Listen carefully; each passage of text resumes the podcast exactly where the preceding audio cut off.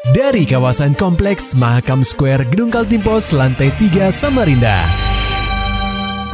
96,8 KPFM Kita akan ikuti program KP Flash News.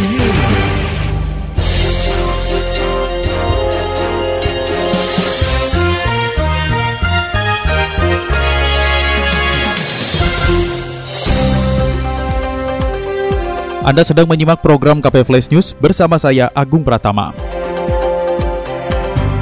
Berita utama. Pendengar KP, Wakil Presiden atau Wapres Republik Indonesia, Maruf Amin, akhirnya menginjakan kaki di kota tepian pada Selasa 2 November 2021. Berdasarkan keterangan pers tertulis yang diperoleh dari Sekretariat Wakil Presiden, tepat pukul 8.57 waktu Indonesia Tengah, pesawat kepresidenan Boeing Business Jet 2 atau BBJ-2 yang membawa Wapres Ma'ruf Amin, didampingi Menteri Dalam Negeri Tito Karnavian, serta rombongan tiba di Bandara APT Pranoto Samarinda. Sekolah dasar atau SD Muhammadiyah 1 Samarinda yang berlokasi di Jalan Sungai Berantas menjadi tempat pertama yang disinggahi Wapres setibanya di kota tepian. Orang nomor dua di Indonesia ini langsung disambut hangat oleh Kepala Sekolah SD Muhammadiyah 1 Samarinda, Suwandi, beserta jajarannya dan para murid yang telah menunggu sejak pagi. Di sela-sela kunjungannya, Maruf Amin menyempatkan diri untuk melakukan sesi tanya jawab dengan perwakilan siswa terkait pembelajaran tatap muka atau PTM.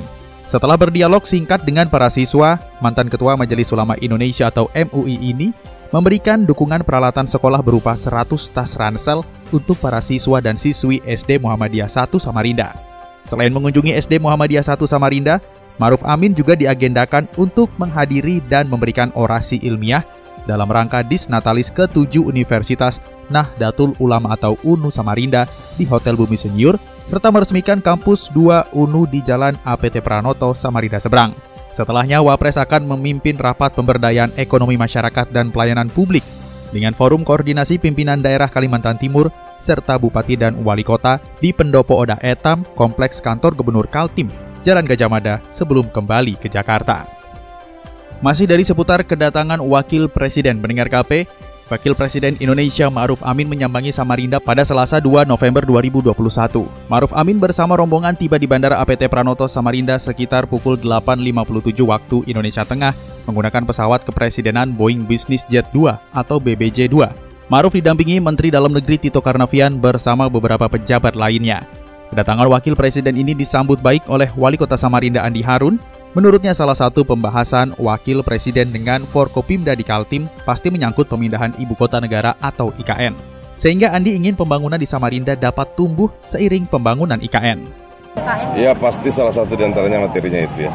Sama kalau diberi kesempatan tentu saya akan mengusulkan agar pembangunan Samarinda bisa ikut tumbuh bersama dengan pembangunan IKN.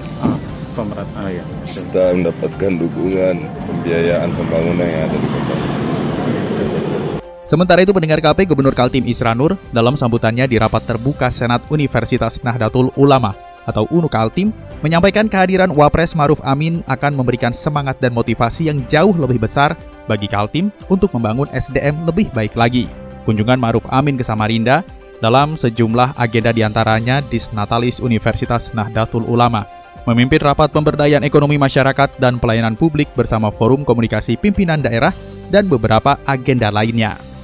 Beralih ke berita selanjutnya, lebih dari 24 jam setelah dilaporkan tenggelam, pria asal Makroman berinisial FA akhirnya berhasil ditemukan oleh tim SAR gabungan dalam kondisi meninggal dunia pada Senin 1 November 2021 sekitar pukul 22.20 waktu Indonesia Tengah. Sebelumnya, FA diketahui bersama lima rekannya berniat untuk berenang di sebuah danau eks galian tambang batubara Jalan Kalan Luas, Kelurahan Makroman, Kecamatan Sambutan pada Minggu 31 Oktober 2021. Pria berusia 25 tahun itu diketahui meloncat dari tebing setinggi 20 meter agar bisa berenang di danau. Nas, pendengar KP, beberapa saat usai terjun, dia terlihat memegang dada seperti kesakitan dan sempat naik ke tepi danau. Tapi tak berselang lama, korban langsung tidak sadarkan diri dan tubuhnya tenggelam ke danau yang airnya berwarna hijau itu. Koordinator Unit Siagasar Samarinda Dwi Adiwibowo menuturkan, sebenarnya pihaknya menghentikan pencarian untuk sementara saat malam hari. Namun pemantauan tetap dilakukan menggunakan penerangan dari unsur relawan yang terlibat dalam operasi SAR gabungan.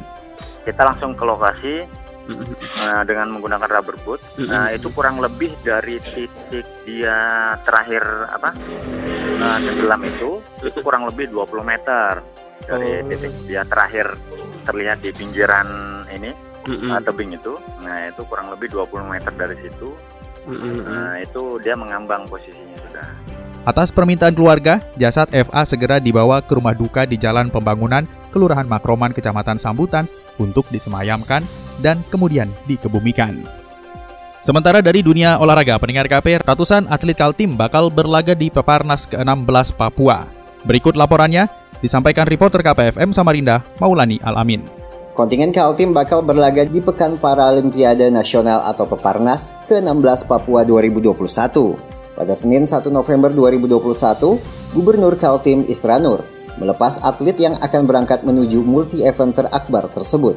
Patut diketahui, Peparnas merupakan perhelatan akbar bagi atlet penyandang disabilitas. Kepala Dispora Kaltim Agustianur mengatakan, sebanyak 108 atlet akan turun dalam 11 dari 12 cabang olahraga yang dipertandingkan dalam Peparnas. Rencananya kontingen Kaltim akan diberangkatkan pada 4 November nanti. Agus menjelaskan, venue pertandingan hanya terpusat di Jayapura. Berbeda dengan PON ke-20 Papua yang dipertandingkan di empat daerah. KPFM Samarinda, Maulani Al-Amin melaporkan. Masih dari seputar dunia olahraga, pendengar KP tumbang atas PSS Sleman Borneo FC semakin terpuruk di peringkat 14. Laporan selengkapnya akan disampaikan oleh reporter KPFM Samarinda, Muhammad Nur Fajar. Borneo FC kembali meraih tren negatif saat menghadapi PSS Sleman dalam lanjutan pekan ke-10 BRI Liga 1 2021. Bermain di Stadion Manahan Solo pada Senin, 1 November 2021.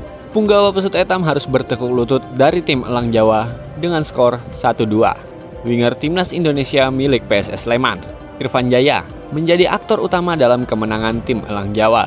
Dua golnya pada menit 45 dan 61 berhasil membawa timnya meraih 3 poin. Sementara Borneo FC hanya bisa membalas melalui sepakan penalti Francisco Torres pada menit ke-58. Mengomentari hasil buruk yang diraih tim asuhannya, pelatih Borneo FC Risto Vidakovic mengutarakan bahwa timnya tidak beruntung pada pertandingan melawan PSS Sleman. Padahal, para pemain mampu menyamakan kedudukan, mengontrol pertandingan, dan bermain lebih menyerang. Namun, hasil akhir berkata lain. I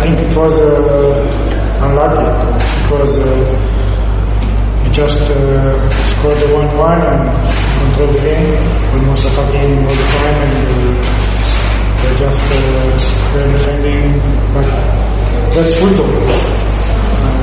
We have to understand, we have to make an analysis, and we have to continue working and continue playing. Pelatih asal Bosnia ini juga enggan menyalahkan para pemain atas hasil buruk yang diraih Borneo FC. Pasalnya, proses gol kedua PSS Sleman tidak lepas dari kesalahan pemain belakang Borneo FC yang tidak sempurna mengeksekusi umpan silang. Obviously, we had the ball and uh, give the ball to the opponent and the opponent scored the goal, but it's uh, not that moment. It was a decisive moment in the game. But I think uh, it can happen to everybody. We can now uh, blame the player because he made a mistake. It's uh, something that can happen and it's what happened. So besides the game, sometimes you make mistakes, sometimes the opponent makes mistakes, but that's part of football. Lebih lanjut, Risto mengingatkan kepada pemainnya agar tidak terlarut dalam hasil buruk ini dan harus bangkit dalam memenangkan pertandingan selanjutnya. Atas hasil ini, Borneo FC semakin terperosok ke peringkat 14 dengan raihan 10 poin pada klasmen BRI Liga 1 2021. KPFM Samarinda, Muhammad Nur Fajar melaporkan. Maulani Alamin, Muhammad Nur Fajar, KPFM Samarinda. Serta dapatkan berita-berita selengkapnya di www.968kpfm.co.id. Demikian tadi telah kita simak rangkaian berita-berita yang terangkum dalam program KP Flash News. Persembahan dari 96,8 KPFM. Terima kasih dan sampai jumpa.